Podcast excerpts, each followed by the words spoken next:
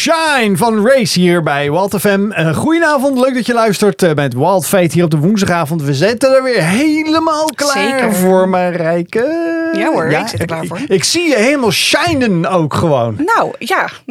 Heerlijk. ja, goed ben, zo, goed Ik ben zo. wel gelukkig, Joost. Ja, hè? en, uh, en Ja. dat met die bak energie die we hier hebben op de woensdagavond hier vanuit uh, de studio. En we hebben natuurlijk weer uh, deze avond een uh, spraakmakende gast, of eigenlijk gasten, ja, kunnen vinden die gelukkig niet zo heel ver hoefden te reizen. Want soms komen mensen echt door heel Nederland om hier bij Wild Fate aan te schuiven. En dat is natuurlijk altijd wel een ja, grote eer, zou ik ook bijna zeggen, dat mensen dat ook willen en kunnen doen. Want uh, dat is niet vanzelfsprekend. En dan hebben wij altijd een leuk gesprek over het algemeen van wie is nou Jezus in je dagelijkse leven? Wat houdt dat nou in?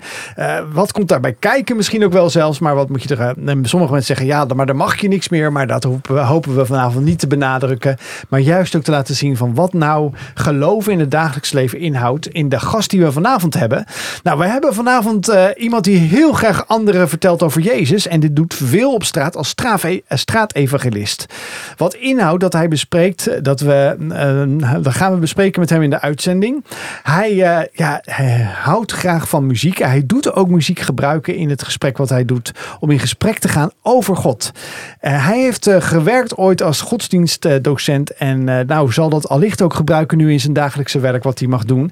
Misschien ga je hem ooit zien of heb je hem wel eens zien rijden over de snelweg. Want hij is namelijk in een heel mooie auto. Rijdt hij rond door heel Nederland. Waarin je bijna kan zeggen je kan hem niet missen. Want waarschijnlijk heeft hij er een hele mooie plakkaat op hangen. En daar kan hij meer over vertellen waarom uh, hij dat doet en wat dat inhoudt.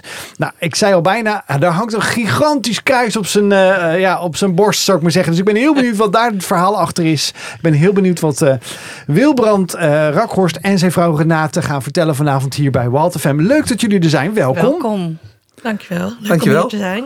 Ja, leuk dat uh, jullie ook vanavond hier uh, deelnemen aan deze avond. En uh, ja, wij zijn natuurlijk ook heel benieuwd wat jij met ons gaat delen, Wilbrand. Maar ja, hij zei eigenlijk ook van ja, mag mijn vrouw meekomen? Mag ze ook aanschuiven? We zeggen tuurlijk, we zetten gewoon een, een vierde ja, microfoon erbij. Dat kan allemaal Superleuk. hier bij Walt FM. Ja. Dat is geen enkel probleem. Dus ik ben ook benieuwd, uh, Renate, wat jij misschien ook nog vanavond te delen hebt met de luisteraar.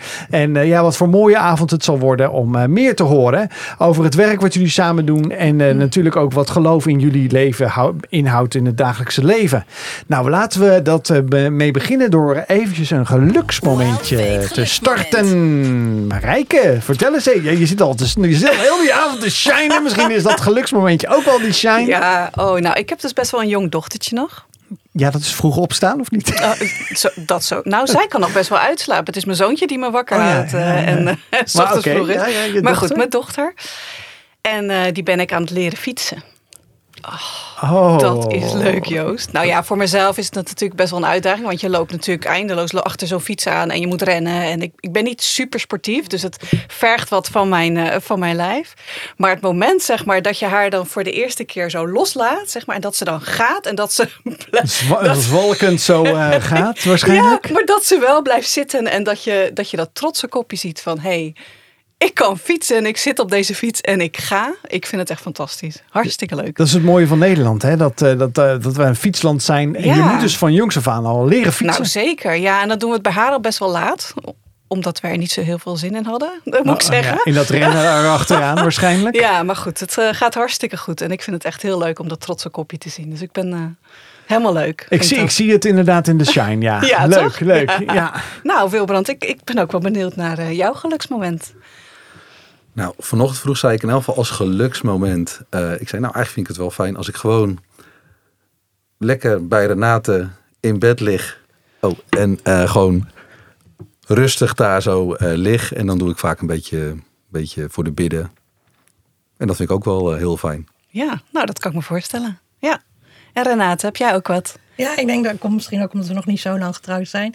Um, ik heb dat inderdaad s'avonds ook heel vaak. Als je dan voor we gaan slapen, dan gaan we, lezen we samen nog een dagboek in bed. Voor we echt in slaap vallen. En dat is ook gewoon een Bijbels eh, dagboek. En dan deel je dat nog met elkaar en dan praat je daar nog even over voor je in slaap valt. En eigenlijk dat soort hele kleine dingetjes dat is natuurlijk gewoon nieuw als je dat daarvoor nooit hebt kunnen hebben. Dus daar word ik dan eigenlijk heel blij van. Daar word jij heel blij van. Ja, het is je aan te zien. En Joost? Ja, ik heb uh, vandaag het geluksmoment uh, gehad dat ik... Uh, ja, het, het, is weer, het, het, is weer het seizoen zou ik bijna zeggen. Maar het is niet mijn vakantie. Maar ik mag af en toe voor mijn werk een keer reis naar het buitenland. En ik heb ik weet dat je daar heel erg van houdt, Joost. Ik, weet, ik, heb weer een, eh, ik heb weer een reis niet mogen. Het wordt geboekt voor ons, maar definitief uh, gemaakt om weer een training te mogen geven in het buitenland, in Azië. Om uh, ja, mensen die eigenlijk media willen gebruiken, zoals wij, radio maken. Ja. Hoe doe je dat nou? Wat houdt dat nou in om een radioprogramma te maken?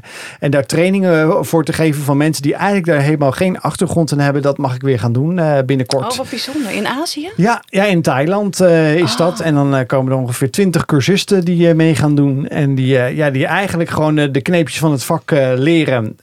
en ook gewoon lekker praktisch maken, want daar houden we ook van. Dus die krijgen ook een praktische opdracht. En daar gaan we een hele vijf dagen mee aan de slag. Dus dat wordt echt een heel, oh, mooie, heel mooie trip. Dus dat is wel iets waar ik naar uitkijk om ja. weer te mogen doen. Snap dat ik. is het wereldwijde werk van, van TWR, van Transworld Radio. Dat is eigenlijk uh, media gebruiken om uh, ja, mensen te laten horen ja, wie God is. En dat mogen wij uh, vanavond ook weer bij Wild Fate doen. Dus ik ben er heel veel, heb ik er weer zin in. En ik ben benieuwd wat Wilbrand en ons vanavond gaan vertellen hier bij, bij het programma. Maar uiteraard, wij doen dat niet zonder te genieten van de allerbeste gospel dance. Light Up The Night. Light Up The Night van 1224 hier bij Wild FM. Leuk dat je luistert. We zijn vanavond met... Wilbrand en zijn kerstverse vrouw bijna. Nou, nog niet helemaal, maar ze zijn nog geen uh, jaar getrouwd. Uh, Renate hier in gesprek bij uh, Wild Fate. En nou ja, ze vertelde net eventjes in het geluksmoment dat ze beiden dat zo als geluk ervaren. Dat als Wilbrand opstaat, dat hij al gelijk mag bidden voor de dag en zijn vrouw. En Renate eindigde eigenlijk in, of zei in het geluksmoment, ik vind het prachtig om de dag te eindigen met elkaar in een dagboekje. En gewoon ook weer in bed. Ik zou bijna zeggen, komen we nog het bed uit. Maar ja, dat is is natuurlijk sowieso in een, uh, in een kerstvers huwelijk uh, is het altijd heel gezellig en romantisch uiteraard ook. Maar daar gaan we helemaal niet over praten. Want ik wil eigenlijk even weten, uh, ja, een half jaar getrouwd. Hoe hebben jullie elkaar ontmoet als ik vragen mag? wij hebben elkaar ontmoet via een datingsite, samenchristen.nl. Ja. Oké, en samenchristen.nl, dat is wel heel speciaal ook al wel van ik ben christen, jij bent christen, ik ontmoet graag een christen. Zeker, ja. Ik was wel echt op zoek naar een man die uh, wel uh, een christen is en daar ook naar leeft, zeker. Oké, dus dat houdt ook in dat je uh, ook vanuit je eigen ja, uh, geloofsleven, als ik dat even zo ook nu mag benoemen, ook uh, dacht van ik wil daar een man zoeken die daar ook in ja, thuis hoort of past. Ja, ja, want ik heb wel eens een relatie gehad met iemand die dat niet zo sterk heeft. En dan heb je toch dat je daar eerder. Um, ja, verschillen eh, ervaart en waar je dan op een gegeven moment niet uitkomt. Dus ik had wel zoiets van, ja, als ik echt een man wil voor de rest van mijn leven, dan wil ik zeker dat het een christen is en uh, die dezelfde manier van leven heeft en dezelfde waarden en normen. En uh, ook echt uh, van God houdt. Dat vind ik wel belangrijk. Ja, en Wilbrand die zei van uh, gekscherend gezegd, jij, jij, was ook op zoek eigenlijk naar een, naar een nieuwe relatie of eigenlijk naar een relatie. Om samen op te trekken met een, met een partner, met, met, met ja, Renate nu dan. En je zei van nou, ik heb daar wel zeven, acht dates voor nodig, nou niet nodig gehad. Maar toen kwam ik eigenlijk de, de perfecte de partner, de ware weer tegen, of waren tegen. we zeiden net al even, je hebt wat met getallen over zeven en acht over bijbelse getallen. Ehm, maar jij was ook op zoek naar eh, ja, een nieuwe partner. En dan ga je ook naar zo'n specifieke website. Waarom heb jij dat gedaan? Um, nou, omdat ik in de praktijk erachter kwam uh, dat ik soms. Ik had, uh, op een gegeven moment had ik een relatie met iemand. was een Oekraïense iemand. En ik, die ging naar een Pinkstergemeente. Ik denk, nou, die is wel. Pinkstergemeente, wat, wat is dat? Evangelische kerk. Oké, uh, en wat is dan een evangelische kerk ten opzichte van andere kerken? Verschil? Wat is nou, daar verschil misschien in? dat in een Pinkstergemeente is nog iets meer ook nadruk op uh, persoonlijk de stem van God verstaan, uh, okay. indrukken van God krijgen, dromen, visioenen, dat soort ja, dingen. Oké. Okay.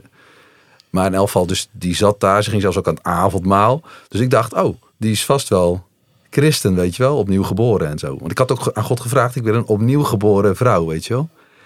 En, um, En Renate betekent trouwens opnieuw geboren. Dus dat is ook wel cool, zeg maar. Ja, betekent het ook Ja. Wauw, oké. Ja. Dat is al helemaal een eh, match eh, bijna. Ja, ja. Een match made in heaven, zeggen we dan wel. Ja. Oeh, ja. Amen. En, eh, maar ik kwam er dus achter dat toen ik met haar ging doorpraten, dat eigenlijk gewoon eh, een soort nieuw aids was, weet je wel, een soort eh vereerde moeder aarde en dat soort dingen. Dus ik had zoiets van ja, pff, maar daar heb ik niet om gevraagd, hè, weet je wel. Dus, dat, dus voor mijn gevoel had het ook, ging dat ook niet werken, zeg maar. Nee. Dus toen, en daarna heb ik eigenlijk besloten van nou, dan ga ik het helemaal anders doen. Dan ga ik gewoon eh, zo- zo'n zo'n zo'n christelijke website voor eh, dating. En dan, Gaan we dat eh, eens proberen. ja, ja. Ja. Ja. Ja. ja. Je, je, je zei opnieuw geboren. eh, en dat Renate, dat die naam dat ook betekent. Kan jij mij kort uitleggen wat dat, wat dat is?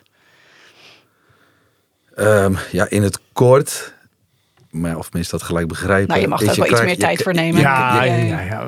Ehm, kijk, nou, ik, moet ik het uitleggen hoe ik, hoe Ja. gewoon tot geloof ben gekomen? Dat is voor Nou, mij hoe ik mooi. opnieuw geboren Zeker, ja, Ja. dat mag. Want daarvoor gaat het ook vanavond. Want men, we hopen mensen nieuwsgierig te maken hoe jij eigenlijk ook dat ervaart. Ja. Nou, op mijn, even kijken hoor, op mijn zestiende ben ik tot, echt tot geloof gekomen. Eh, er waren gewoon wat ingewikkelde dingen. Dus in, in mijn familie overleed een nichtje, een babytje.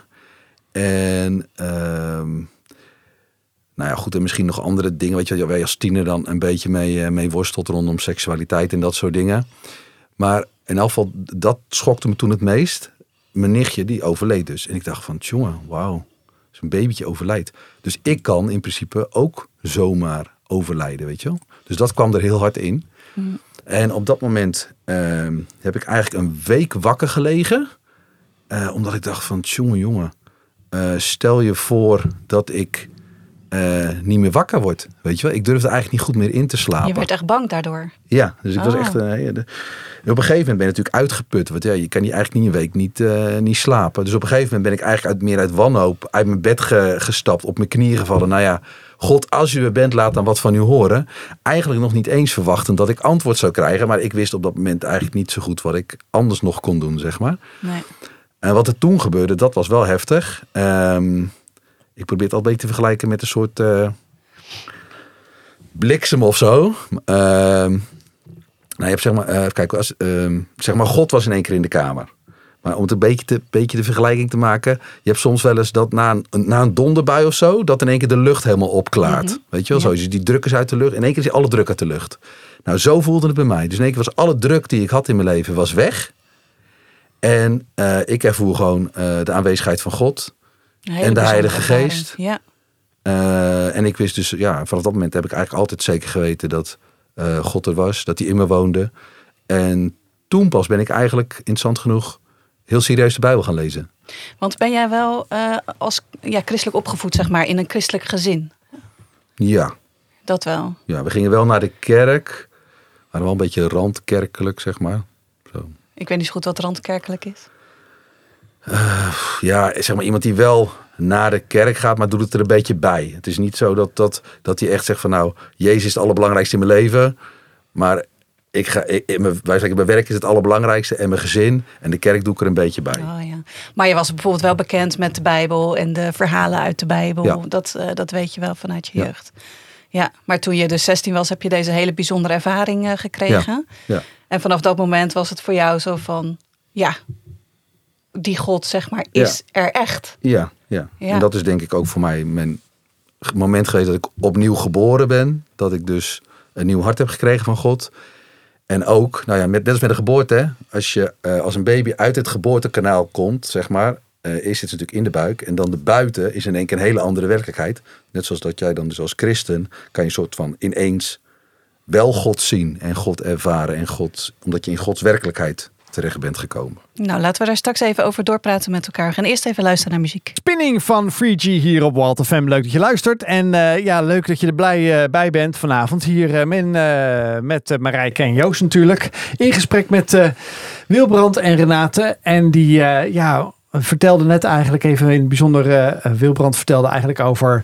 Ja, uh, zou ik zeggen dat hij zich opnieuw geboren voelde in het christelijk geloof. Wat dat nou precies inhield. In, hield. en eigenlijk ook wel over zijn hele mooie ervaring dat eigenlijk wel door een dieptepunt ontstaan is om, om eigenlijk God weer opnieuw te ontmoeten in zijn leven. Want ja, de dood dat is eigenlijk een van de dingen die iedereen uh, zeker weet. Is uiteindelijk het aardse uh, leven, zou ik maar zeggen. Dat is een keer voor iedereen ten einde. Wanneer weten we niet. En dat heeft jou heel erg stilgezet in je leven. Om eigenlijk een keuze voor Jezus te maken. En daarin uh, ja, ook zelfs een ontmoeting met hem te hebben. Dat je heel mooi omschreven, Wilbrand. Dus complimenten over. Denk aan een donderbui. Dan, en dan in één keer trekt dat helemaal weg. En dan voel je eigenlijk die frisse adem, die frisse lucht eigenlijk in je komen. Dan voel je die druk wegvallen. mooi omschreven dus ik hoop uh, dat we daar meer van dat soort voorbeelden gaan horen vanavond uh, van je. Uh, maar wat ik eigenlijk ook daarna benieuwd ben. Toen was je 16, 17 jaar. Je, je bent wel opgegroeid in, ja, met de kerkelijke traditie, met de kerkelijke normen en waarden, met de geloofsverhalen. Ehm, ja, wat je daarna eigenlijk bent gaan doen, omdat dat moment je leven op zijn ja, kop zette. Of je dat ook direct uh, dacht van, nou, ik moet hier meer mee gaan doen in mijn leven. Ja, ik ben eigenlijk toen ik 16 was, ben ik tot geloof gekomen. En toen ben ik al vrij snel naar de HEO gegaan in Zwolle. Maar toen ging ik ook al in de trein evangeliseren. Dus dan probeerde ik ook al in de trein gesprekken te krijgen met mensen. Als ik gewoon op het bankje bij ze zat, om een gesprek over Jezus uh, te krijgen. Zo, op, op die leeftijd, 16, 17, die ja. leeftijd al. Zo. Ja, en, en toen ging je naar de HAO, zei je? Ja. Dus je ging verder studeren. Ja. Uh, en toen was je afgestudeerd als, uh, uh, nou ja, als econoom. Nee, en toen dacht je, ik, ik ga, werken, ik ga werken. Nee, ik heb eerst propenduizen gedaan. En toen wilde ik, ik wilde eigenlijk de Witteberg Bijbelschool doen. Ja. Alleen mijn vader zei toen van, ja, dat wordt niet gefinancierd door de overheid. Dus kan je niet gewoon theologie gaan studeren. Nou, toen ben ik, toen ben ik dus theologie gaan studeren. En waar, ben je, in, waar heb je dat gestudeerd? In uh, Utrecht. Oké. Dus... Uh, en toen, waar heb je de theologie afgestudeerd? En ondertussen bleef je met mensen praten, ook tijdens ja, je studie? Ook, ja, ja, ja. En we hadden een bidstond op de universiteit. Daar was ik eigenlijk nog ook wel heel blij mee. Want het was best wel een... Hmm, nou ja, een beetje... Je had, een, je, had, je had twee stromen tegelijk. Je had zeg maar seculiere universiteit en de kerkelijke.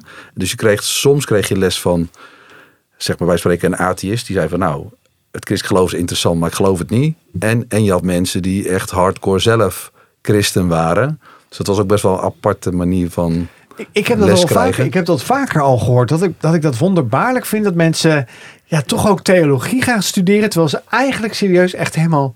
Ja, ik noem maar even geen connectie hebben met het soort van geestelijke. Als ik dat even zo mag zeggen. De dimensie van, van, ja, dat er wordt wel eens gezegd natuurlijk dat er een bovennatuurlijk iets is.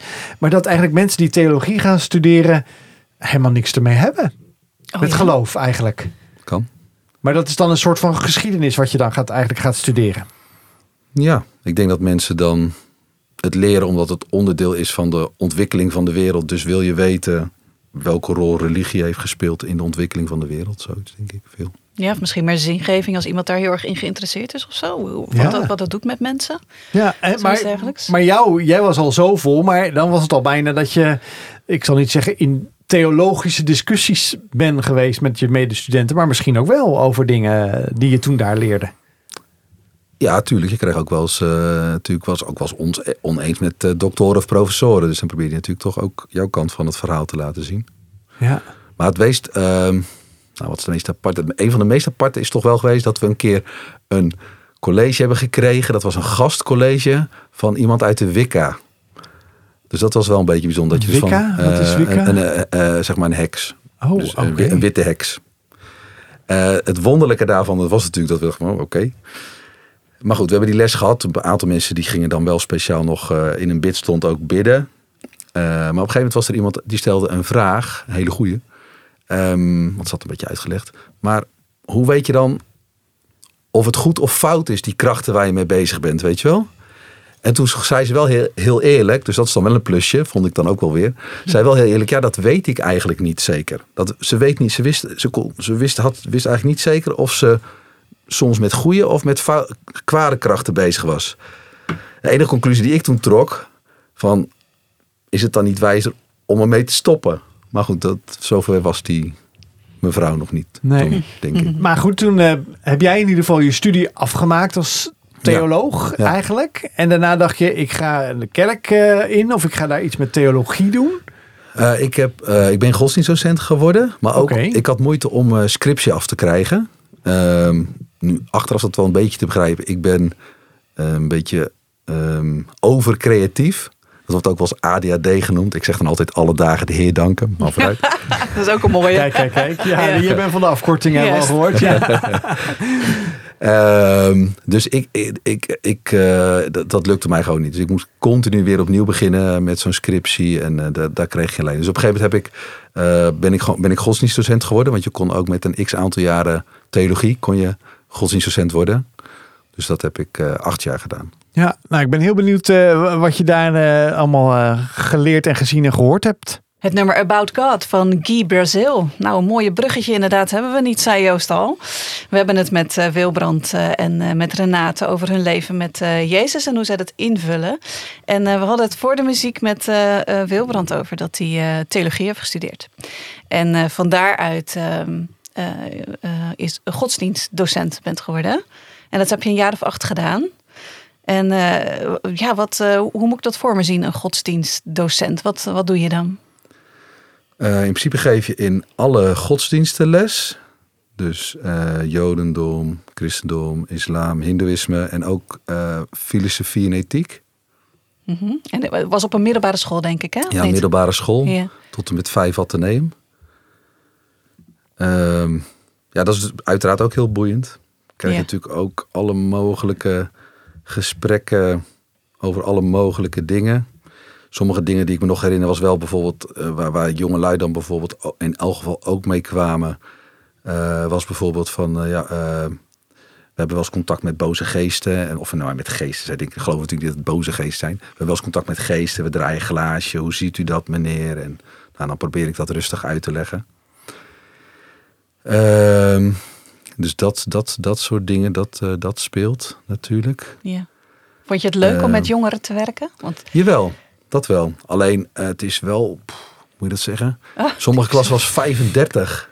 35 Ah, leerlingen, ja, ja, dat is je wel echt veel, hè? Dat, dus dat is een beetje. eh, Je wilt graag bijvoorbeeld aandacht geven aan die ene die echt serieus vragen heeft. Maar je hebt er ook nog dan nou ja, Ja. 30 om, Ja, Die eromheen zitten. om, om, om een beetje in de gaten te houden. Zeg maar. Dus dat is. Ja, want had je, had je naast je, want je hebt theologie gestudeerd, zeg maar, had je wel iets van een lerarenopleiding dan ook, zeg maar? Of was het gewoon echt vanuit je studie, hoppakee, gaan we voor de klas staan en ga het maar doen? ehm, min of meer. Je krijgt natuurlijk wel. Ik had wel een catechetenopleiding gedaan. Dat is een beetje ook voor lesgeven, zeg maar. Mhm.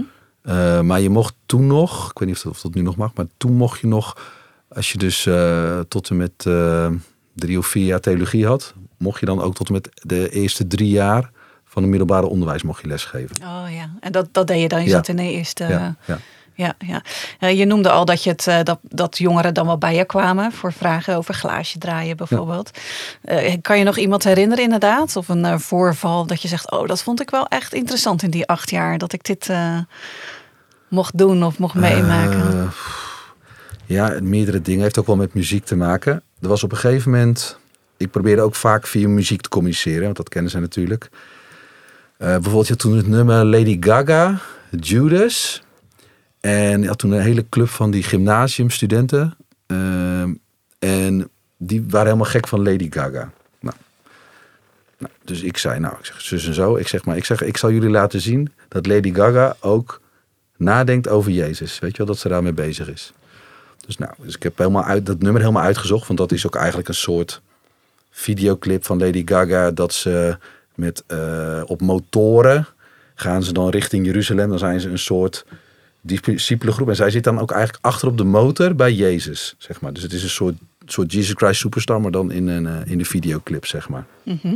Interessant genoeg heeft ook nog de videoclipmaker, dat was een vrouw, voor mij is dat een producer.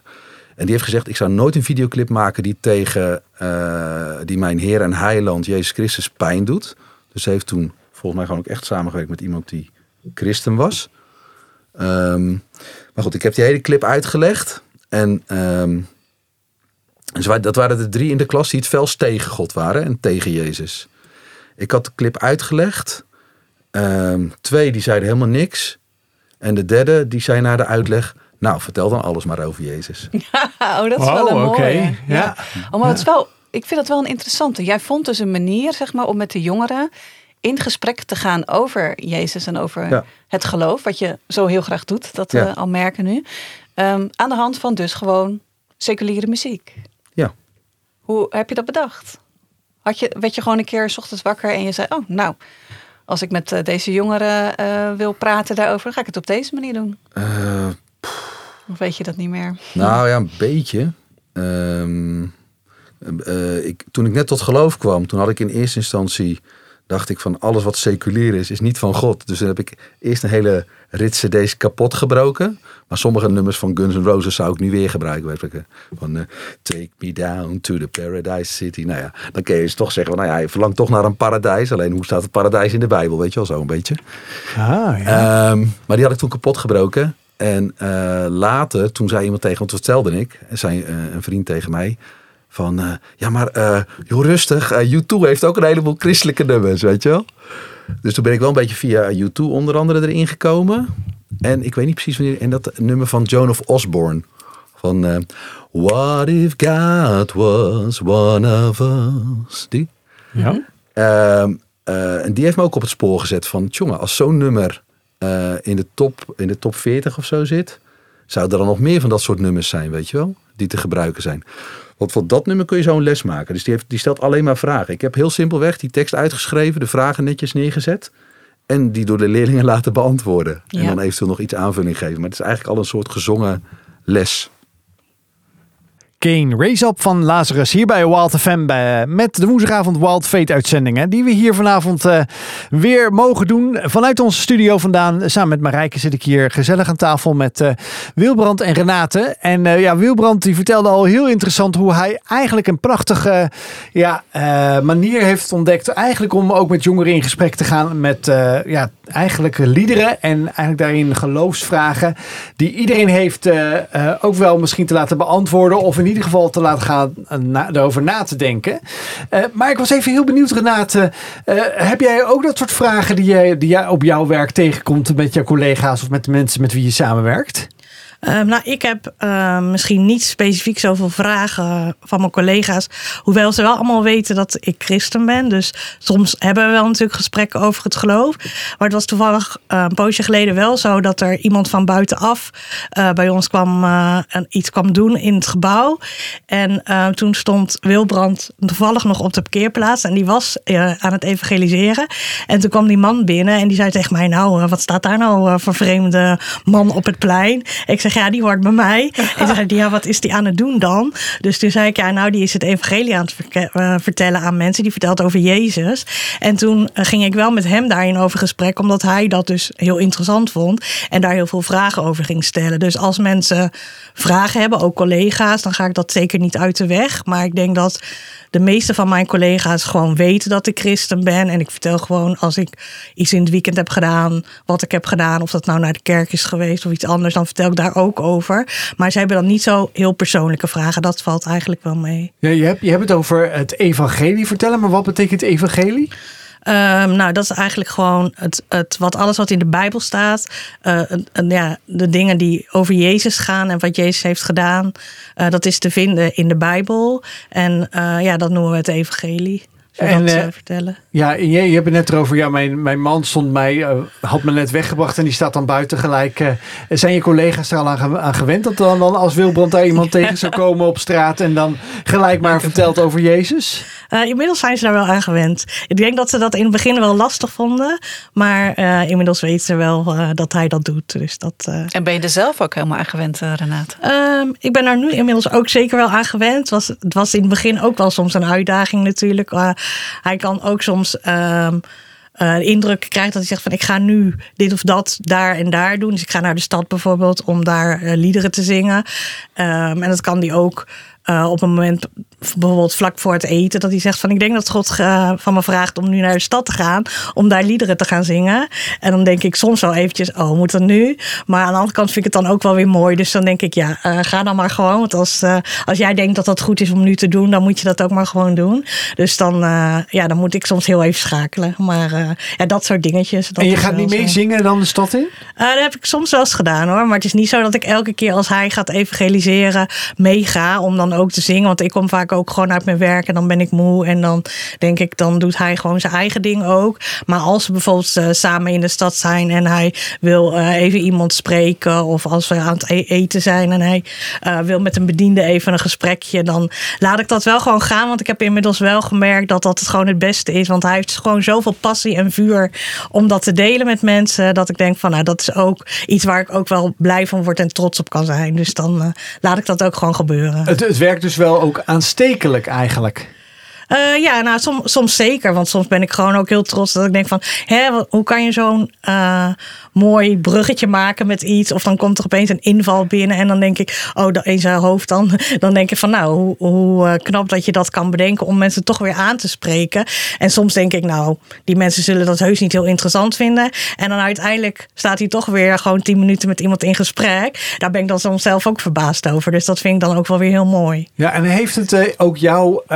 ja, ik zeggen, geholpen of misschien ook wel geholpen meer openheid op je werk gegeven om bijvoorbeeld ook over geloof te praten? Omdat eigenlijk Wilbrand dan onderbiedig gezegd op de parkeerplaats staat en dan mensen denken, ja, je hoort bij hem, hoe kijk jij daar tegenaan? Of als hij misschien weg is, dat ze toch in jouw pauze vragen van, joh, ik heb daar toch nog eens een vraag over. Of heb je daar nog niet een meer iets van te horen gekregen van collega's? Nee, van collega's uh, nee, valt eigenlijk wel mee. Ze vragen, hebben natuurlijk wel een beetje vraag wat doet hij? Dus dat heb ik dan natuurlijk wel uitgelegd. Maar uh, niet hele persoonlijke geloofsvragen. Nee, dat niet. Maar die ruimte zou er nog zomaar kunnen komen? Ja hoor, als ze iets willen weten, dan uh, zal ik dat zeker proberen ook uh, uit te leggen zover ik daar antwoord op kan geven op hun vragen. Ja, want, want heb, je, heb je eigenlijk iets in de tijd dat jullie nu al samen zijn van Wilbrand geleerd eigenlijk van ja, dit is voor mij ook een heel makkelijk iets om eigenlijk uit te leggen aan iemand die misschien een geloofsvraag aan mij zou vragen. Want ik kan me best voorstellen dat menig christen, inclusief ik zelf, wel eens denk van ja,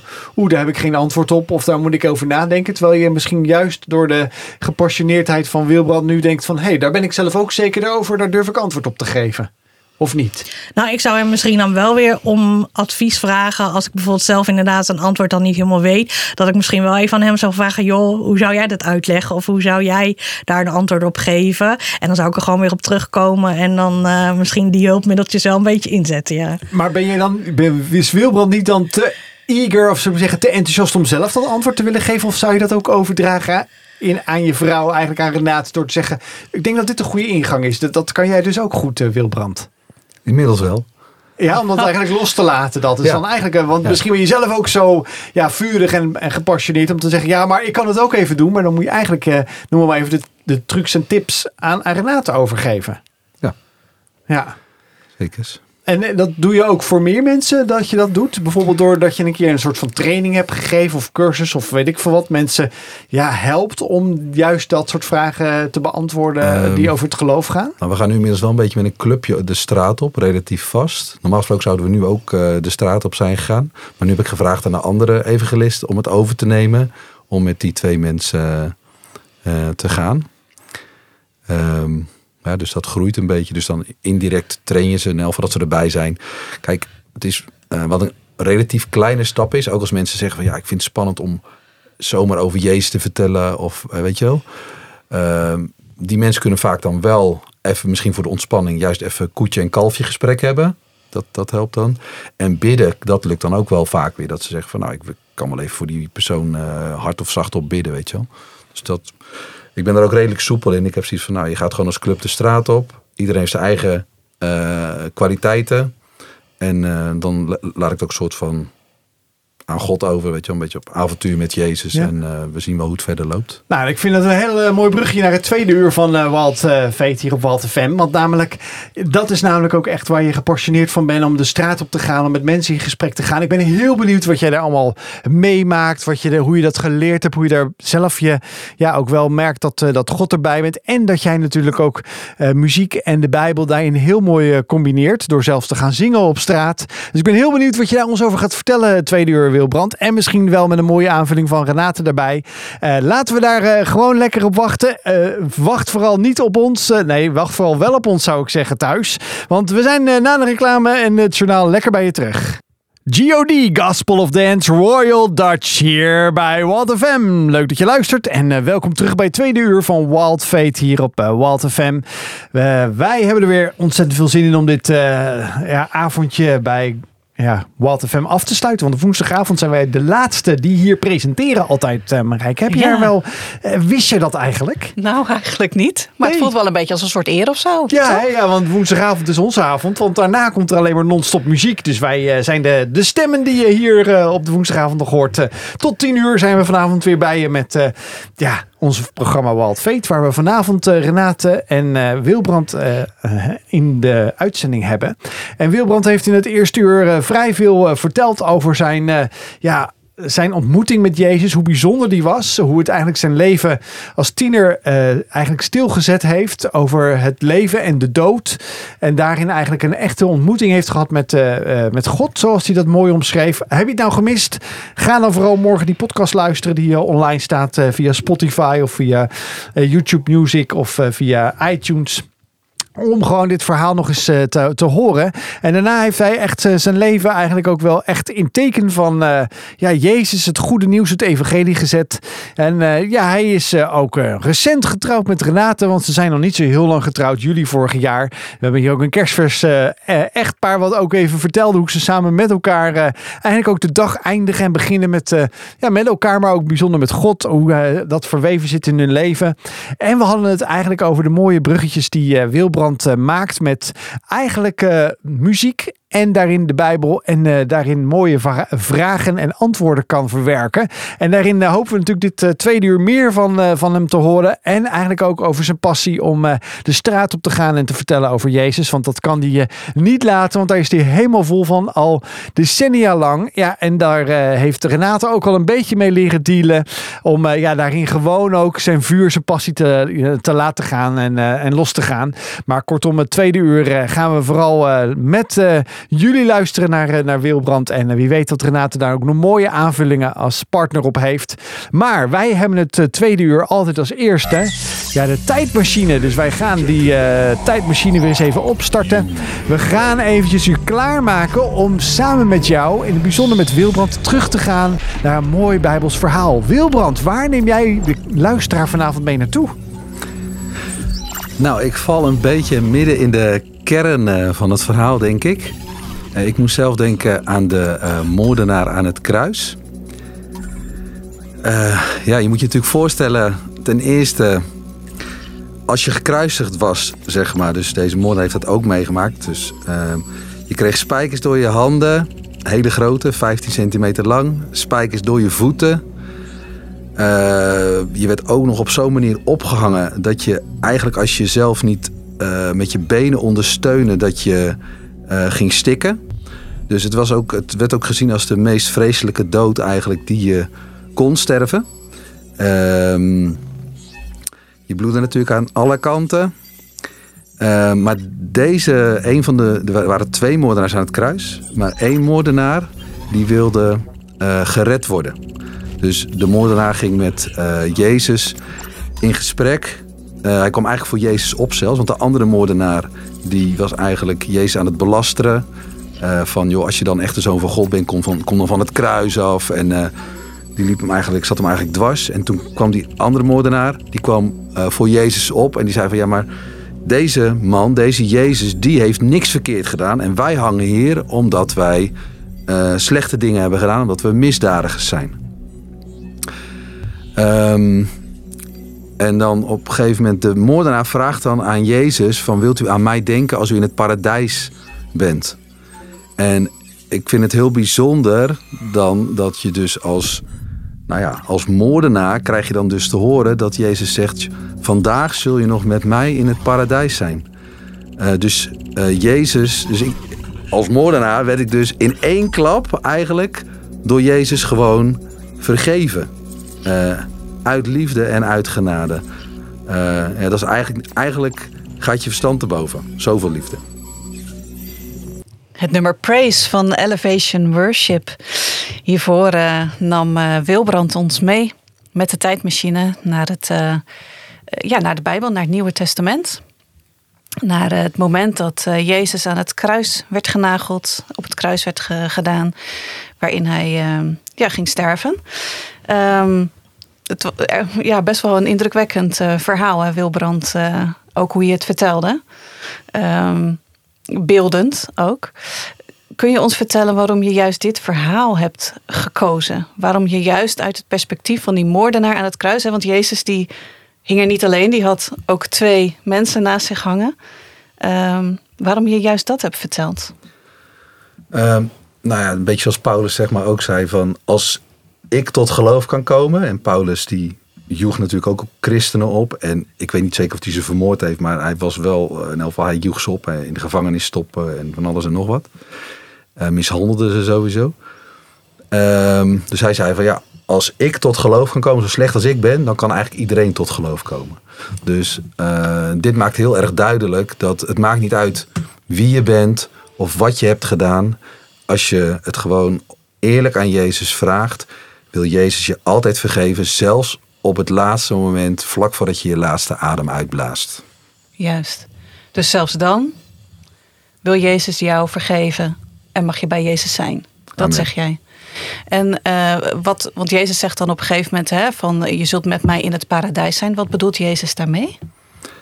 Ja, ik denk zoals wij de hemel, hè, de, de hemel omschrijven. Dus dat hij dan uh, ja, bij, God, bij God in de hemel, tussen de engelen, tussen uh, het hemelse uh, paleis, natuurlijk de meest prachtige werkelijkheid die je kan uh, bedenken. Uh, licht, glorie. Juist. Hey, en uh, want in het eerste uur vertelde je hè, dat je toen je voordat jij op 16-jarige leeftijd God echt leerde kennen, dat door die gebeurtenis van dat het nichtje was het geloof ik hè, ja. dat hij overleed, dat je bang werd voor de dood. Nou, daarna kwam Jezus in jouw leven. En nu vertel je over, uh, over de hemel en bij Jezus zijn. Ben jij nu niet meer bang voor de dood? Om nou, even een diepe vraag te stellen in het programma, Joost. Um, op een bepaalde manier niet. Ik heb inmiddels al best wel heel wat meegemaakt. Ook al wel mensen. Dus God heeft me beschermd, denk ik. Ik denk als er geen andere mensen bij waren, dan was ik waarschijnlijk hadden ze me een kopje kleiner gemaakt. Um, uh, ik zeg wel altijd, in principe is het zo, we zijn met Christus gestorven en met hem opgestaan. Dus eigenlijk hoef je als christen nergens druk over te maken. Maar goed, soms moet je natuurlijk als ben je ook mens. En dan word je soms ook toch wel even een beetje zenuwachtig over van uh, oh, ja. is wel gevaarlijk en uh, wat gebeurt er nou met me? Of, ja. ja. Bijzonder verhaal wat je hebt gedeeld. Renate, is er in, uh, ja, ik, ik overval je misschien niet mee hoor met deze vraag, maar is dit, uh, heb jij een favoriet verhaal of bijbelgedeelte? Of een bijbelgedeelte wat heel erg spreekt voor jou? Um, ik heb niet per se één Bijbelgedeelte wat uh, heel erg mij aanspreekt. Maar ik heb wel altijd, um, als je zegt van een persoon in de Bijbel. Ik uh, vind David een heel mooi persoon, omdat hij uh, zoveel verschillende dingen meemaakt. Eigenlijk um, hele moeilijke dingen in zijn geloof. Maar dat hij altijd heel vast blijft in zijn geloof. Ook als er iets heel moeilijks gebeurt. Dat hij dat ook kan beschrijven in de psalmen. En soms uh, gaat het eerst helemaal naar beneden, maar uiteindelijk weet hij gewoon altijd: ik moet terug naar God en God is er altijd voor mij. Dus wat er ook in mijn leven gebeurt, het komt goed. En dat komt eigenlijk ook wel heel mooi terug in de psalmen. En hij heeft gewoon een leven heel dicht bij God. Dus dat vind ik gewoon altijd uh, mooi om te lezen. Alle verhalen die hij meemaakt. Natuurlijk, David en Goliath is natuurlijk een heel ja, bekend verhaal. Juist, ja. Maar um, ja, ook David en Batseba, dat zijn hele bekende Bijbelverhalen. Dus je, ja, zijn hele leven uh, gebeurt heel, heel veel verschillende dingen. Maar uiteindelijk blijft hij toch steeds weer teruggaan naar God. Of God roept hem steeds terug naar hem. Zo kan je het natuurlijk ook zien. Ja. En dat vind ik gewoon wel heel mooi. Zeker. Lezen jullie ook samen in de Bijbel? Je had het al in het begin van het programma over een dagboekje. Wat jullie samen deden. Maar is dit ook iets wat jullie samen ook doen? De Bijbel bestuderen, leren? Ja, we doen sowieso als elke ochtend beginnen met heilige avondmaal. Elke ochtend samen vieren. En dan uh, bidden we ook samen. En eigenlijk lezen we altijd na het eten dan een dagboekgedeelte. Dus dan uh, is het niet altijd per se de Bijbel zelf, maar inderdaad een gedeelte met uitleg. En daar kan je dan ook uh, over nadenken, omdat er vaak nog weer vragen bij staan. Dus dat is dan ook gewoon leuk om daarover na te denken en samen over te hebben. Ja. Wat, wat is dat, het heilige avondmaal? Want ik denk dat heel veel luisteraars zoiets hebben van ik weet niet zo goed wat dat inhoudt. Um, dat is uh, iets wat God heeft ingesteld uh, met zijn discipelen, zodat wij uh, ons eraan kunnen herinneren dat Hij voor ons gestorven is. en Eigenlijk dat, op het ja, verhaal ja, ja. wat, wat Wilbrand net vertelde. En dat, dat, dat de betekenis van het kruis en van zijn offer, dat het een hele grote is. Dat wij inderdaad door dat mogen blijven herinneren, elke dag opnieuw. En in de kerk wordt het natuurlijk ook elke keer gedaan. Dat um, ja, de betekenis van zijn bloed en het gebroken zijn van zijn zijn lichaam, dat dat ons eigenlijk ook daaraan herinnert dat hij voor ons gestorven is en voor onze zonde heeft betaald. En dat we daardoor um, weer in relatie met God kunnen leven zonder al die zonden die we hebben. Dus dat eigenlijk de vergeving van zonde, waar Wilbrand het net over had, dat je al die dingen wat God heeft gedaan aan het kruis kan um, herinneren door uh, symbolisch elke keer dat brood en de wijn te eten en daar dan over na te denken en, jullie en daar bewust het, van te zijn. En jullie doen het elke dag omdat dit zo'n belangrijk thema is in jullie ja. leven. En belangrijke basis, denk ik ook wel. Toen ik hem, toen ik Wilbrand net leerde kennen, toen zei hij dat hij dat elke dag deed. Toen dacht ik wel, elke dag. Dat is echt veel, elke dag. Maar eigenlijk vind ik het nu wel heel mooi. Want het is een vast begin van de dag. En je start dus eigenlijk elke dag bewust met God en wat God voor jou gedaan heeft. Dus dat is eigenlijk een hele goede basis om de dag in te gaan. Heb je, heb je ook een favoriete Bijbeltekst? Want je had het net over van, nou, ik vind de verhalen mooi. Maar is er ook nog een favoriete Bijbeltekst voor jezelf? Uh, ik, ik heb wel een lievelingspsalm. Dat is Psalm 27. Maar dat is eigenlijk ook een psalm die uh, heel, heel erg over het leven gaat. Dus uh, als je bang bent of als mensen om je heen op je afkomen. Of eigenlijk alle dingen die in je leven kunnen bedreigen of moeilijk kunnen zijn. Dat... Ehm, dat je altijd um, God hebt die jou weer opricht en die bij, bij je is. En dat, dat is wel een van mijn lievelingspsalmen. Ik kom het in alle psalmen terug, maar dat, voor mij is het een uh, favoriet psalm.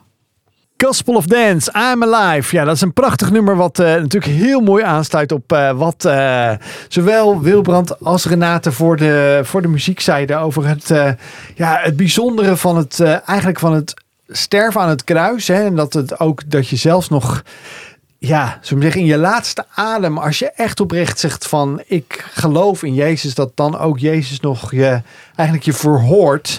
Want dat zien we dus ook in die moordenaar die je eigenlijk zegt van ja, ik, ik geloof, ik weet het. En dat ook Jezus dan nog zegt uh, dat, dat hij met hem samen in het paradijs zal zijn. Uh, heel mooi uitgelegd. Dat is eigenlijk de essentie van misschien wat je misschien wel niet kent als je nu luistert. Uh, de essentie van het Pasen. We vieren met kerst natuurlijk, iedereen denkt de cadeautjes, maar dat is eigenlijk de geboorte van Jezus. Maar we vergeten eigenlijk echt het uh, belangrijkste van, van het misschien wel het christelijk geloof. En dat is eigenlijk wel het paasverhaal. toch, als ik het even zo mag omschrijven, Wilbrand, jij bent de, de theoloog in ons midden. Het is allebei natuurlijk super bijzonder. Dat kerst natuurlijk dat uh, God zelf geboren wordt in een kind natuurlijk. Als baby, zo super kwetsbaar. Maar gewoon om uit liefde zo dicht mogelijk bij ons te komen. Ja, en de andere kant is natuurlijk ook uh, boven ieders verstand dat natuurlijk uh, Jezus uit de dood is opgestaan. Ja. Dat is de, dat is de, ja, de essentie van Pasen. Ja. De Goede Vrijdag, of eigenlijk vrijdag dat uh, Jezus aan het kruis sterft. En met Pasen uh, opstaat uh, uit het graf en niet meer daarin ligt. Dat is de essentie van het christelijk geloof. En uiteindelijk dat hij voor iedereen die in hem gelooft ook daarin gestorven is en ook opgestaan is. En dat is eigenlijk een hele mooie in een, in een nutshell. En ik weet dat er elk jaar, uh, misschien wel dat jij dat ook fanatiek kijkt, de Passion. In heel Nederland, uh, ja, in allerlei steden wordt dat gedaan. En wordt dat, is dat al een keer live op televisie geweest. De, de evangelische omroep is daar ooit mee begonnen. En nu wordt dat door de NCRV KRO gedaan. en dat het dit jaar op een hele bijzondere plek is volgens mij. Waar jij wel iets weet van die stad. Ja, het is dit jaar in Zeist. Eh, en ik ben daar persoonlijk ook wel heel dankbaar voor. Eh, ik heb ooit eh, het idee, ja, het idee moet goed zeggen, de kickstart noem ik het maar, gegeven voor de Passion aan de producers van de Passion. ik was altijd al aan het evangeliseren op straat. En ik merkte op een gegeven moment dat mensen geïnteresseerd begonnen te worden in Jezus. Dus toen heb ik Mediawater, is dat de producer, nu dan, daarvoor was het i2i Media, een mail gestuurd van joh, het zou een heel goed idee zijn om dat op grote schaal te doen in Nederland. Nou ja, en dat hebben zij, ze hebben de rest gedaan hoor. Ik bedoel, ik, de, dat is eigenlijk het enige wat ik heb gedaan. Um, ze hebben wel zelf aangegeven dat dat ook wel zo was. Dus dat is inderdaad dat ik dat uh, gestuurd heb. En ik heb ook trouwens de producer bij mij thuis gehad. Dus Jacco Doornbos is bij mij thuis geweest. Omdat we ook nog plannen hebben gehad. Uh, en samen met Peter van Dijk. Om uh, een muziekbijbel uit te geven. Maar dan niet uh, alleen digitaal, maar ook fysiek. Want ik dacht, dat is misschien ook wel aardig voor evangelisatie, dat je dan een soort fysieke muziekbijbel uit kan geven. Uh, dat is er niet van gekomen. Toen waren ze alweer druk met, ik denk Brazilië en Amerika. Maar goed, dat geeft, dat is, dat is wat het is. Het evangelie gaat in elk geval uh, door. En dus nu in Zeist. Maar het mooie is dus nu dat ik... Uh, Want je woont in Zeist. Ik woon in Zeist, ja. Thuiswedstrijd. Thuiswedstrijd, juist. Zeker. Want Zeist ken jij, de straten ken je wel te goed. Het centrum wel, ja. ja, ja. Ja, want uh, we weten natuurlijk, de Passion is natuurlijk wel een manier om met juist de mensen in contact te komen die daar gaan komen. Omdat iedereen graag, ik weet nog wel, in uh, onder andere mijn uh, plaats, Dordrecht, is het ook een keer geweest. En Amsterdam ja. en Utrecht, je kan het niet zo gek bedenken. Ze gaan nu naar de wat kleinere plekjes van Nederland. Want waarom? ja, dat, het gaat om het verhaal wat verteld wordt. Kortom, jij als straatevangelist die woont in Zeist, die krijgt daar duizenden mensen die je nog extra los van dat ze deelnemen aan een grote televisieproductie natuurlijk ook nog eh, de kans krijgt om eh, misschien nog wel meer met mensen in gesprek te komen. Zeker. Um, ja, dus nou ja, kijk, wat al sowieso wel, wat soms wel een beetje wordt onderschat, dat hoe God dingen gebruikt. Want ik heb toen ook al een keer wel aangegeven, ook aan Jacco van, uh, las ik een keer een bericht, ook wel van mensen die hadden toch vierde passion. Hè? Sommige mensen zeggen, ja, het is gewoon entertainment, het gaat om geld, weet je wel, van nou ja, allerlei dingen. Uh, maar die mensen zeiden toch, ja, wij zijn via de Passion weer in de kerk terechtgekomen. Dus ik, ik geef het in die zin gewoon ook het voordeel van de twijfel. Van, nou ja, je kan er dit of dat van vinden, maar je ziet toch dat, uh, nou, dat het ook gebruikt wordt dat mensen zich weer echt ook persoonlijk verbinden aan Jezus. Weet je wel, via welke Hoe denk je dat dat komt dan? Hoe denk je dat dat komt? Ja, zijn dat, ja. zijn dat de liederen? Want ze gebruiken gewoon natuurlijk, uh, ja, seculiere noem ik maar even, ja. hè, liederen. Ja. Uh, en in het begin van, het, uh, van dit programma vertelde je al dat je met jongeren in gesprek ging aan de hand van seculiere liederen om te vertellen over Jezus. Ja. Denk je dat, dat, dat Jezus ook gewoon dit gebruikt, zeg maar, om mensen te bereiken? Hoe moet, hoe moet ik dat zien? Hoe sta jij daarin? Ja, ik heb wel. Um, kijk, je hebt, uh, als je de Bijbel terugleest, dan mm -hmm. heb je soms dat er getuigenis, zeg maar, dat iemand enthousiast vertelt over God, terwijl die zelf eigenlijk in andere goden geloofde. Uh, natuurlijk bijvoorbeeld het verhaal van uh, Nebukadnezar in het Oude Testament, die toch op een gegeven moment zegt van, oh ja, maar eigenlijk is wel de God van Israël de allerhoogste God. Weet je wel? Dus ik terwijl denk, hij zelf daar dus niet in geloofde. Nee, terwijl ja. hij er eigenlijk niet, niet in geloofde. Uh, dus ik denk wel dat God dat soort dingen gewoon kan gebruiken om toch mensen over hem te laten nadenken. Uh, nou, het Nieuwe Testament heb je trouwens echt nog een voorbeeld. Dit heb ik vaak al aangehaald van Paulus. Die gaat op een gegeven moment met uh, de Griekse filosofen gaat hij in gesprek. Paulus was ook een evangelist eigenlijk, hè? Ja, ja. ja, ja apostel Paulus, ja, inderdaad. Ja. en uh, die ehm, haalt, gebruikt op een gegeven moment een voorbeeldje eigenlijk van een dichter, van een, zeg maar, een niet-gelovige dichter of een anders gelovige dichter. Want die geloofde natuurlijk ook in allerlei goden, zeg maar, destijds. En dat stukje gebruikt hij om mensen te wijzen op de enige ware God. Dus ik heb geconcludeerd van, nou ja, als Paulus eigenlijk zo'n dichter kan gebruiken, kunnen wij dus ook in principe gewoon uh, popliederen gebruiken, als die daar aanleiding toe geven, uh, om mensen richting uh, God te... Come Alive van uh, Lauren Daigle in een remix hier bij Walt FM. Leuk dat je terug bent hier met ons samen in gesprek met Wilbrand en Renate. En ja, misschien heb je wel nieuwsgierigheid, ben je wel nieuwsgierig geworden eigenlijk, zo moet ik het zeggen, naar de eh, het woord van God, de Bijbel. Want Renate vertelde al iets over een mooie tekst die ze, die ze graag wilde. Uh, Wilbrand heeft al verschillende dingen gezegd. Uh, dat kan gewoon besteld worden via ons. Dat is namelijk gewoon door een mailtje te sturen naar studio.twr.nl.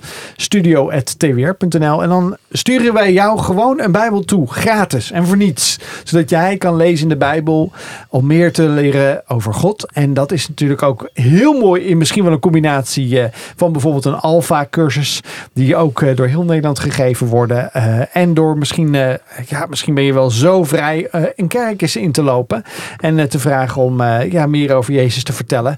Maar misschien kom je ook wel Wilbrand tegen als jij nou ja, ergens de straat op bent in, in het luistergebied van Walter Fem of misschien zomaar ergens anders. Want ja, hij is nog los van ja, een, een inspirator voor allerlei dingen, zoals onder andere de Passion. Um, ook straatevangelist. Want uh, daar ben ik natuurlijk in de introductie ook mee begonnen. En dan denk ik altijd bij mezelf van straatevangelist. Uh, kan je even kort de luisteraar meenemen van... Ja, wat, wat is eigenlijk een straatevangelist? Ja, in het kort is het eigenlijk de mensen op straat op een creatieve manier... dus ik doe het liefst creatief... op een creatieve manier uitnodigen om te reageren op de persoon van Jezus. En um, nou ja, kijk, Jezus is voor een hoop mensen inmiddels wel een soort van bekend. De meesten hebben wel eens van Jezus gehoord. Hoewel ik soms ook zelfs nog mensen tegenkom die nog nooit überhaupt van Jezus hebben gehoord. Um, maar je hebt natuurlijk gewoon, ja, iedereen denkt verschillend. Uh, je hebt jongeren, je hebt ouderen. De een houdt van die kleur, de ander houdt van die muziek. Dus ik probeer zoveel mogelijk ook af te wisselen. Een van de dingen die ik leuk vind is uh, zingen. Uh, weet je wel, dat je gewoon zingt voor Jezus en dan probeert in het zingen gelijk een oproep te doen. Uh, om bijvoorbeeld dan of mee te zingen. Dat kan ook een manier zijn dat mensen zich verbinden. En eventueel te kijken van nou, als je dan toch lekker voor Jezus aan het zingen bent, probeer eens met je hart voor Jezus te zingen. En als je dan toch lekker met je hart voor Jezus aan het zingen bent, probeer je hart aan Jezus te geven. Nou ja, dat je op die manier een beetje probeert, uh, maar een beetje, wel een beetje op een vrolijke en feestelijke manier. Ook omdat nou ja, weet je wel, uh, dansen. Ehm. ja. En wat voor, wat voor reacties krijg je over het algemeen? Want als je zegt van ja, ik sta, ik loop bij spreken in de winkelstraat van uh, Zeist. Zeist. En uh, ik sta voor de HEMA en in één keer begin ik spontaan, uh, en nou noem maar even een, een, lied te zingen. Een bekende, niet zozeer gospel lied, maar gewoon een bekend lied. Ja. En dan kijken mensen je aan en dan moet ik heel eerlijk zeggen, ik vind echt, eh, mijn trekt nog steeds mijn oog trekt naar een gigantisch uh, kruis. Maar toen zei Renate al, nou dat is nog niks vergeleken met wat hij soms heeft. Want je hebt een gigantisch kruis, mooi. Ja, het is mooi. Het is, een, het, is, het is iets wat glimt uh, op, op, je, op je borst heb je hangen. Maar dat mensen denken van, oh jee, wat, wat is dat voor iemand eigenlijk? Waarom begint hij zomaar te zingen? Ik loop er met een boog omheen. Maar je, je zegt ook blijkbaar net van mensen blijven stilstaan en die gaan meezingen. Ja, het is heel wisselend. Jongelui vinden een beetje actie natuurlijk wel interessant. Uh, toevallig pas nog uh, op rotonde uh, gezongen, kruis neergezet. En op een gegeven moment waren er ook twee jongelui die wilden wel op de foto met, met dat kruis. En één jongen was geen gelovig, maar die vond het al interessant. Nou, dus ik nou, zeg, foto gezegd. Ik heb nog bijgezegd, veel, weet je het zeker? Ik zeg, ik zet ook de foto's op Facebook en dat soort dingen. Nou ja, vinden ze toch, wisten ze toch nog steeds zeker. Oké, ik, heb, ik heb eentje op Facebook gezet, dacht van nou, laat ik het niet te gek maken voor ze. Uh, ja, het, beetje, het is ook, je weet het soms eigenlijk niet. Ik, uh, ik sta wel voor het leger des heils, zeg maar, in uh, Zeist. Omdat God mij ook eigenlijk heeft laten zien. Uh, ja, is misschien voor spirituele mensen een beetje te begrijpen. Maar ik krijg soms... Uh, ik had een soort afbeelding van God gekregen. Van dit is de plek waar ik ook graag wil dat je staat. Dus daar ben ik gaan staan. Maar dan raak je soms op een ochtend ook honderden boekjes over Jezus kwijt, zeg maar. ik heb bij um, kerstmarkt gestaan, poosje terug in Zeist. Toen heb ik in een paar uur duizend boekjes of zo was ik kwijt. Um, maar is, is dat omdat mensen het echt willen of omdat jij het echt, echt in hun handen doet van neem mee. Dat, dat, dat ook wel, maar als mensen, mensen zijn meestal wel zo, als ze het echt niet willen, dan geven ze, het, uh, geven ze het ofwel terug. Ja, ja, en de enkeling zal het ook wel van zich afgooien, maar dat vind ik dan toch de verantwoordelijkheid van de volwassen iemand zelf, weet je wel. Van, nou ja. En ik heb misschien veel geloof. Kijk, er staat, uh, Paulus zegt dat zelfs uh, door de zweetlap van Paulus uh, werden zelfs zieken genezen. Dus ik geloof ook wel dat er in zo'n boekje ook al een bepaalde aanwezigheid van God is. Als mensen dat aannemen, dat dat ook al iets met ze doet. Zeg ja, want dat boekje heb je ook mee. Hè? Dat is een klein boekje waarin. Ja, wat staat erin? Het, wonder, uh, het wonderlijke leven van Jezus Christus in een soort van notendop, waarschijnlijk uh, het Evangelie. Dus het goede nieuws van ja. wat, ja, wie Jezus is. Ja. En, en um, als, als ik jou nou even mag vragen, noem eens één positieve reactie die je op straat hebt genoemd uh, of gekregen en één negatieve. Want oh, ja. ik kan me voorstellen dat het, ja, we moeten niet te, te rooskleurig zijn. Ja. Dat er ook mensen zeggen die, ja, die, die, uh, die dat niet zo, niet zo positief vinden. Maar ook juist wel mensen die zeggen van wauw, tof. Heb je, heb je daar een voorbeeld van? Uh, nou, je hebt natuurlijk gewoon ook jonge mensen trouwens. meerdere waar je dan een gesprek mee hebt. En die eigenlijk hun hart in Jezus geven. Ehm, gisteren had ik nog een heel goed gesprek met een jonge jongen, uh, moslim, maar die wilde precies weten hoe zit het nou met de Koran, hoe zit het met de Bijbel. Ik heb hem precies alles uitgelegd en ook de rol van Jezus erin. En hij was uh, nou, super dankbaar eigenlijk dat ik hem dat had uitgelegd. Uh, ja, gunst. Je hebt ook wel eens een keer natuurlijk dat mensen keren vanuit de auto even iets schelden of zo. Of ja, ik heb één keertje gehad, maar dat was dan. Toen werd ik dus eigenlijk dus nog beschermd dat ik aan twee kanten twee mensen had. Toen zat ik een beetje klem met de auto, want er een beetje veel mensen om me heen. Dus ik kon geen kant op. Uh, maar die uh, op zijn manier uh, in zijn eigen taal dan zeg maar tot drie keer terugkwam om mij een soort van te vervloeken. dat was wel een beetje heftig. Dus dat zat wel een beetje op de grens van. heb ik uiteindelijk toch besloten om daar wel de politie op af te sturen. Om toch eventjes navraag te doen. Want dat is eigenlijk toch, vind ik wel voor een land dat meent, zegt godsdienstvrijheid te hebben, toch wel uh, heel ernstig gedrag.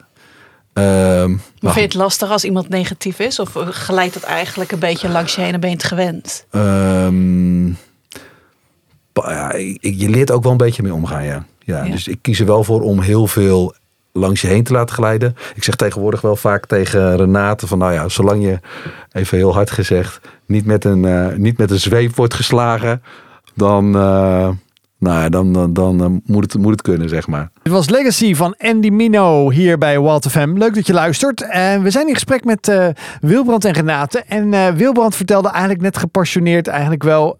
Ja, dat hij niet in de weg laat staan om op straat of op de plek waar hij komt de mogelijkheid te pakken om het, ja, het goede nieuws, de Bijbel, over de Bijbel te vertellen, over God te vertellen. Om mensen eindelijk te wijzen op wie Jezus is. En dat Jezus ook graag ja, hun, in hun leven wil wonen. En ik was eigenlijk heel erg benieuwd, Renate. Uh, ja, Wilbrand is zo, uh, nou, letterlijk en figuurlijk, zo gepassioneerd de straat op te gaan. Ben je zelf ook wel eens mee geweest of ga je wel eens mee?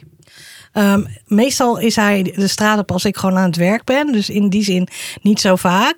Maar het kan bijvoorbeeld wel ge uh, gebeuren dat hij, hij heeft een keer gehad, bijvoorbeeld die s'avonds uh, zei: Ik denk dat God me daar en daarheen wil. Dan ga ik wel gewoon mee voor het idee. En dan kan ik gewoon voor hem bidden op de achtergrond.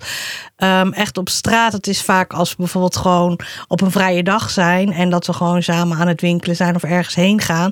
Dan heeft hij natuurlijk ook heel vaak wel dat er toch gesprekken ontstaan. En uh, dan wel en als ik, als ik hem aan kan vullen, dan zou ik dat zeker doen. Maar meestal is hij ook wel gewoon zo goed uh, aan het praten dat ik denk, nou, ik laat hem wel praten en ik bid wel voor hem dat het een goed gesprek is. En dat, uh, dat is dan ook gewoon helemaal goed. Ja, ik vind het dan al heel mooi dat je, dat je al samen met elkaar, ook in dat, nou, in die, in dat huwelijk, hè, met elkaar samen, dat jij ook daarin gewoon toch ook wel uh, ja, biddend. Hè, dus eigenlijk praten met God voor dat gesprek, met, met hem toch samen op dus dat is wel heel mooi. Want je zei inderdaad al eerder tijdens deze uitzending dat je natuurlijk meestal, ja, je hebt gewerkt, je bent moe. Dan geniet je even heerlijk van een avondje, ja, je rust pakken en bijkomen. om de volgende dag weer volop tegenaan te gaan op je, op je werk wat je mm -hmm. doet. En daarin worden combinaties mooi gebruikt. Want ja, wat dat gaat denk ik dat het aanstekelijk werkt voor jullie samen. Ik ben ook nog heel benieuwd, Wilbrand. We hebben het een beetje gehad over de muziekbijbel. Daar ben je ook bij betrokken. Daar ben je daar doe je ook veel voor. Of daar ben je in ieder geval ja, ook in, in ja, actief. waar kunnen mensen meer informatie vinden als ze eigenlijk willen weten van hoe werkt dat precies? Of hoe kan ik de Bijbel met muziek combineren? Ja, ze kunnen natuurlijk uh, sowieso terecht op muziekbijbel.nl. Uh, op dit moment staat ook mijn uh, mailadres erop, dus die kunnen ze ook proberen. Um, mijn telefoonnummer is ook nog ergens op internet uh, loopt rond te gaan, maar dat is voor nu, laat maar even. Dat... Nou, ze kunnen gewoon via de mail contact opnemen als ze zouden willen. Maar muziekbijbel.nl, daar is eigenlijk een basis te vinden van ja, hoe je connectie kan leggen tussen muziekliederen. Dus eigenlijk gewoon popmuziek en ja. dan ook bijbelse vragen. Ja, ja, er staat al in het begin een beetje gewoon ook uitleg voor verschillende plekken. Ik zeg altijd een beetje van kerk tot café. Van nou, je kan het in principe in de kerk gebruiken, uh, maar je kan het ook in een café gebruiken. Uh, misschien voor deze doelgroep. Kijk, als je in een café zit en uh, je hoort sowieso je hoort van alles draaien, maar stel je hoort een nummertje van YouTube of zo van Where the streets have no name. Nou ja, maar uiteindelijk gaat het liedje natuurlijk wel over dat hij op zoek is naar het koninkrijk van God en dat soort dingen. Alleen heel veel mensen weten natuurlijk vaak alleen maar dat ene zinnetje, maar niet de rest van de tekst. Ja. dat is dus vrij makkelijk als je erbij uh, googelt, die tekst erbij, en dat je denkt van, hé, hey, verdraai me eigenlijk, uh, eigenlijk is hij op zoek naar Jezus, weet je wel. Sowieso, dat is al een keer gewoon leuk om voor jezelf eens een keer die website zeggen, ja, te ja, gewoon muziekbijbel.nl om gewoon alleen al dat bruggetje zelf te ontdekken, maar ook gewoon de, de christelijke, ja, noem maar even identiteit door die, door die muziek heen. Kortom, razend interessant, muziekbijbel.nl. Uh, daar kan je ook eventueel contacten via de e-mail met de Wilbrand krijgen als je meer, denk ik, informatie wil, op wat voor manier dan ook. ja, de uitzending zit er gewoon alweer op. Het is gewoon twee uur vliegt weer voorbij, ook vanavond. Ehm, dus ik wil jullie bedanken. Maar misschien heb jij nog wel iets op het hart, Wilbrand, om toch nog even... Ja, ik noem het maar even als een mooie uitsmijter. Jij mag dat ook nog, Renate. Maar ik weet niet of jij nog wat op je hart hebt. Maar ik, ik begreep ook wel dat Wilbrand nog graag wat wil delen. Daar heb je nu even de tijd voor, want dan eh, sluiten we de aflevering af. Dus zeg het maar, wat had jij nog, wat wilde je graag nog delen? Oké, nou, Renate is mijn koningin. Dat is één. en wat, oh, wat, uh, wat ik geloof, wat ik ook persoonlijk uh, zo heb meegekregen van God God zegt eigenlijk tegen mij als christen en ik denk eigenlijk tegen ons als christenen, uh, blijf liefde geven. Weet je wel? God, heeft laten zien in Jezus uh, Christus en doordat Jezus Christus voor ons gestorven is, uh, oneindig veel liefde. En hij geeft ons oneindig veel liefde. Dus, en hij zegt eigenlijk, geef die oneindige liefde die ik heb aan jullie heb gegeven, geef die door aan iedereen om je heen. En dat is het belangrijkste antwoord. Geef liefde. Nou, dan kan ik alleen maar zeggen amen. Dat wat betekent zo is het. Geef elkaar liefde. En dat is een hele mooie afsluiter. Bedankt uh, dat jullie hier waren, Renate en Wilbrand. En uh, Marij Marijke, ja. Marijke, dankjewel dat je er was vanavond weer. En mij bijgestaan uh, samen met elkaar weer een mooie aflevering Zeker. hebben gemaakt. Kijk uit naar de volgende keer. Zeker. Tot de volgende week.